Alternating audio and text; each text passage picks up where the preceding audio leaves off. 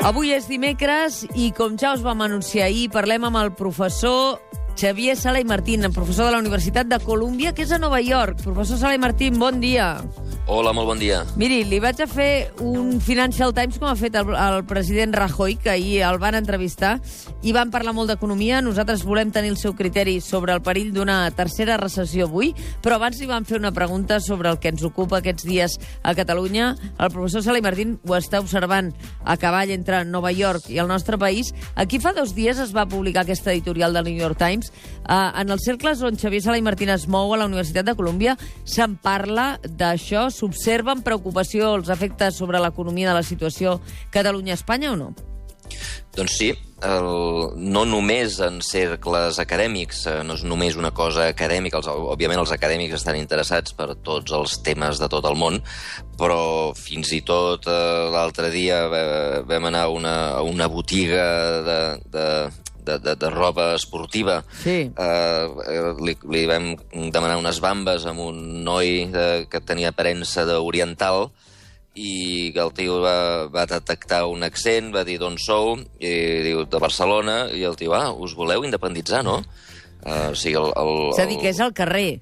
Al carrer, al carrer, sí, sí. sí. Per això la, el New York Times doncs, fa editorials eh, demanant a Rajoy que trobi una solució, exigint-li que deixi votar, perquè, perquè realment és una cosa que, que interessa de la mateixa manera que, fixeu-vos que a Catalunya tothom sap el que està passant a Hong Kong, no? que hi ha manifestacions mm -hmm. massives, doncs, eh, clar, a la resta del món mm, mentre aquí hi hagi manifestacions massives i hi hagi una voluntat de molta gent de tirar la cosa endavant, doncs la gent eh, d'arreu del món se'n fa ressò.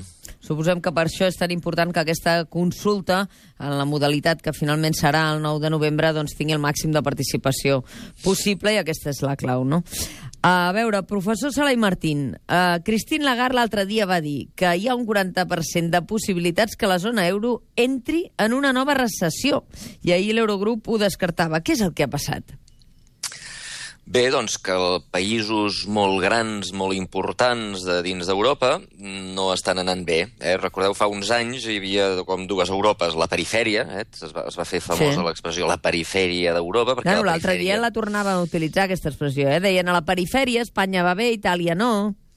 Sí, sí, però abans era la perifèria anar malament i el centre anava bé. Sí, Llavors sí. sabia, els del centre disciplinaven la perifèria. No es deia el nord i el sud perquè hi havia Irlanda, que no està ben bé al sud, però bàsicament eren tots els països del sud més Irlanda, i, i ara doncs, això ha deixat de ser cert. Eh? El, el, hi ha països importants del centre i en particular França, que estan al llindar de la recessió. Òbviament Itàlia segueix, ja porta dos anys en crisi, i fins i tot Alemanya està, eh, està, no està caient, però ja està començant a anar a poc a poc. Ahir vam tenir una molt mala notícia, que és la, la producció industrial. Eh?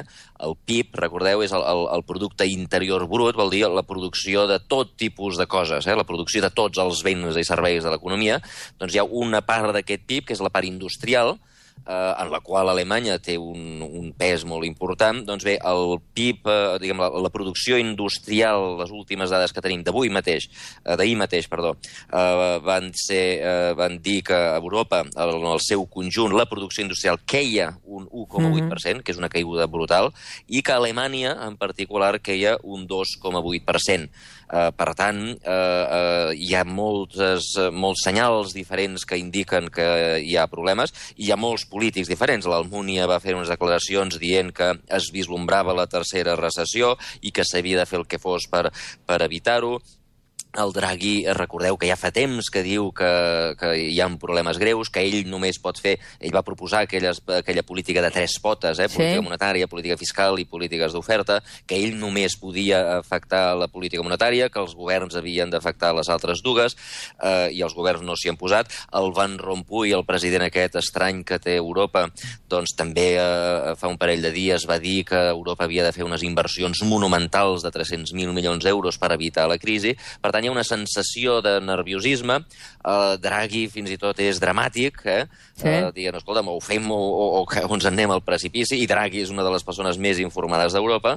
Per tant, diguem, eh, sí, hi ha, hi ha preocupació, hi ha problemes, les dades, les darreres dades que tenim cada vegada són més pessimistes, i per tant hem de, diguem, hem d'anar molt... A Europa ha d'anar amb molta cura a veure. està, està al llindar de la crisi. Professor Elai Martín, sembla que els estats de l'euro estan una mica dividits entre Alemanya i Espanya, que ara diu que rigor pressupostari, que ho estan fent bé, i en canvi França i Itàlia comencen a parlar de flexibilitzar eh, el dèficit, els objectius de dèficit.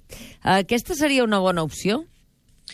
D'entrada, deixem aclarir que Espanya no té rigor pressupostari. Eh? Espanya, ja sé que el... El, el, el de Guindos el Montoro, ho, ho explica, i el Montoro, eh? Sí, el Montoro i el de Guindos van per Europa traient sí. pit, ara les reunions de, de l'Eurogrup i tal, però, escolta, recordeu que el, el, el, el dèficit per aquest any sí compleix, eh, que no està clar que compleixi, però sí compleix Espanya, tindrà un dèficit del 5,5% del PIB, és a dir, gastarà 55.000 milions més 55.000 milions més del que ingressa a Espanya. Eh, la major part d'aquest dèficit, per cert, no és de les comunitats autònomes o dels ajuntaments, sinó que és de l'administració central de l'Estat. Això fa que el deute es dispari, això fa que els interessos ja siguin la partida més important eh, dels pressupostos de l'Estat i, per tant, no, no és veritat que eh, Espanya estigui, eh, diguem, amb rigor pressupostari. És més, el, en el discurs de fa dos dies del de Guindos, eh, no ho va dir clarament, però ja va començar el, tota la, tota la, el show tradicional, tot el sainet que fa servir a Espanya, eh, quan està a punt de demanar que se li relaxi el, les objectius sí. de dèficit. Eh?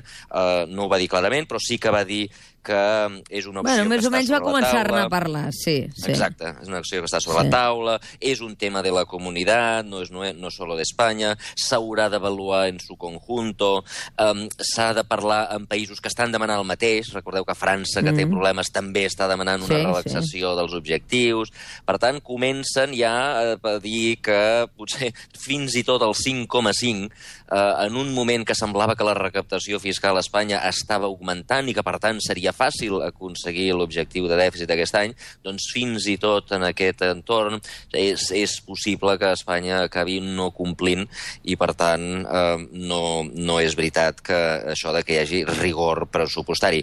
I sobre els altres països ja acabo de dir que França doncs, està demanant el mateix, Alemanya se li queixa, eh, eh, França demana que se li, se li permeti tenir un dèficit més gran del sí. que diuen els, els tractats europeus o les normes europeus, el, el pacte, els pactes del pacte d'estabilitat, etc.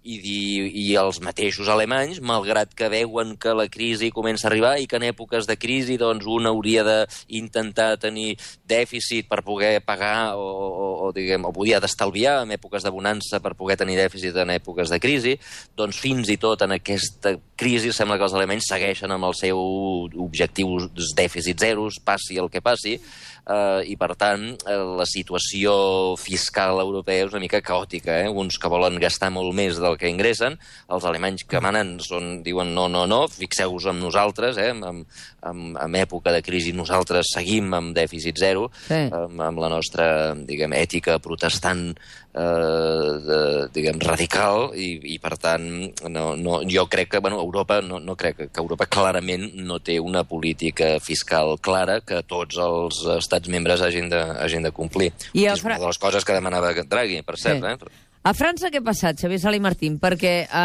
el que és evident cada vegada que hem anat eh, recuperant les seves xifres és que està estancada, que semblava que se n'havia sortit bé de la crisi però eh, jo recordo perfectament la roda de premsa que va fer François Hollande en ple, en ple sidral de la seva vida personal, que va anunciar aquells 50.000 milions de retallada de despesa, que van passar més o menys desapercebuts perquè van quedar eclipsats per, tot, per tota la situació, diguem, personal, però aquí no s'han fet els deures. Jean Tirol, el nou Premi Nobel d'Economia, de, que l'acaben de premiar, diu que tot passa per una reforma del mercat laboral i que no passarà res. Sí, a veure, el, el que passa a França? A, a, a França, de fet, a les eleccions de, del 2012, eh, jo no sé si us recordeu, això, això una, una cosa que es va fer, va, va ser molt, va causar molt impacte a Espanya. El, el Sarkozy va fer una amenaça als ciutadans i va dir, escolta'm, si guanya Hollande, França es convertirà en Espanya. Eh? Mm. I llavors allò a Espanya va tenir un gran impacte, no? perquè, escolta, en, en, posen Espanya com a exemple de lo pitjor que pot passar eh, en un país europeu com França. Eh, doncs bé, va guanyar l'Hollande, i, de fet, Holanda, en, ai, Holanda, eh, França s'ha convertit en gran part el que en, què, en, el que deia, en el que deia Sarkozy.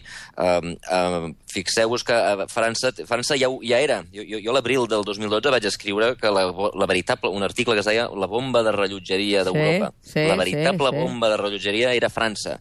Uh, França era un país que, malgrat que les coses anaven bé, tenia un deute del 90% del PIB, que la seva productivitat, el, els treballadors cada vegada eren menys productius, que els costos laborals al mig de la crisi havien pujat un 21%, quan a Alemanya havien baixat un 5%, i uh, al mig de tot això va guanyar l'Hollande i va fer unes, unes...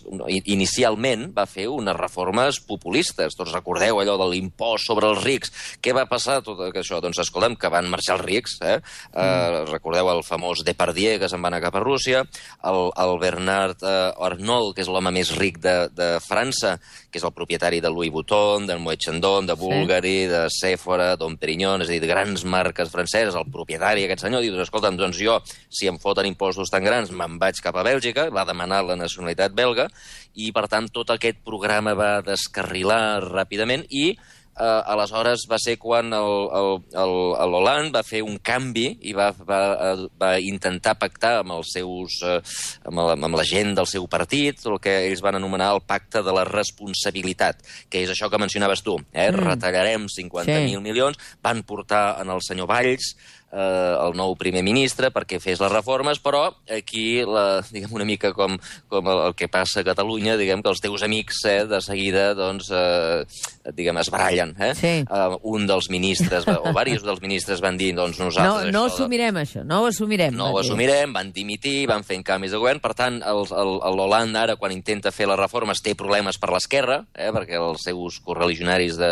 socialistes no volen aquesta austeritat fiscal.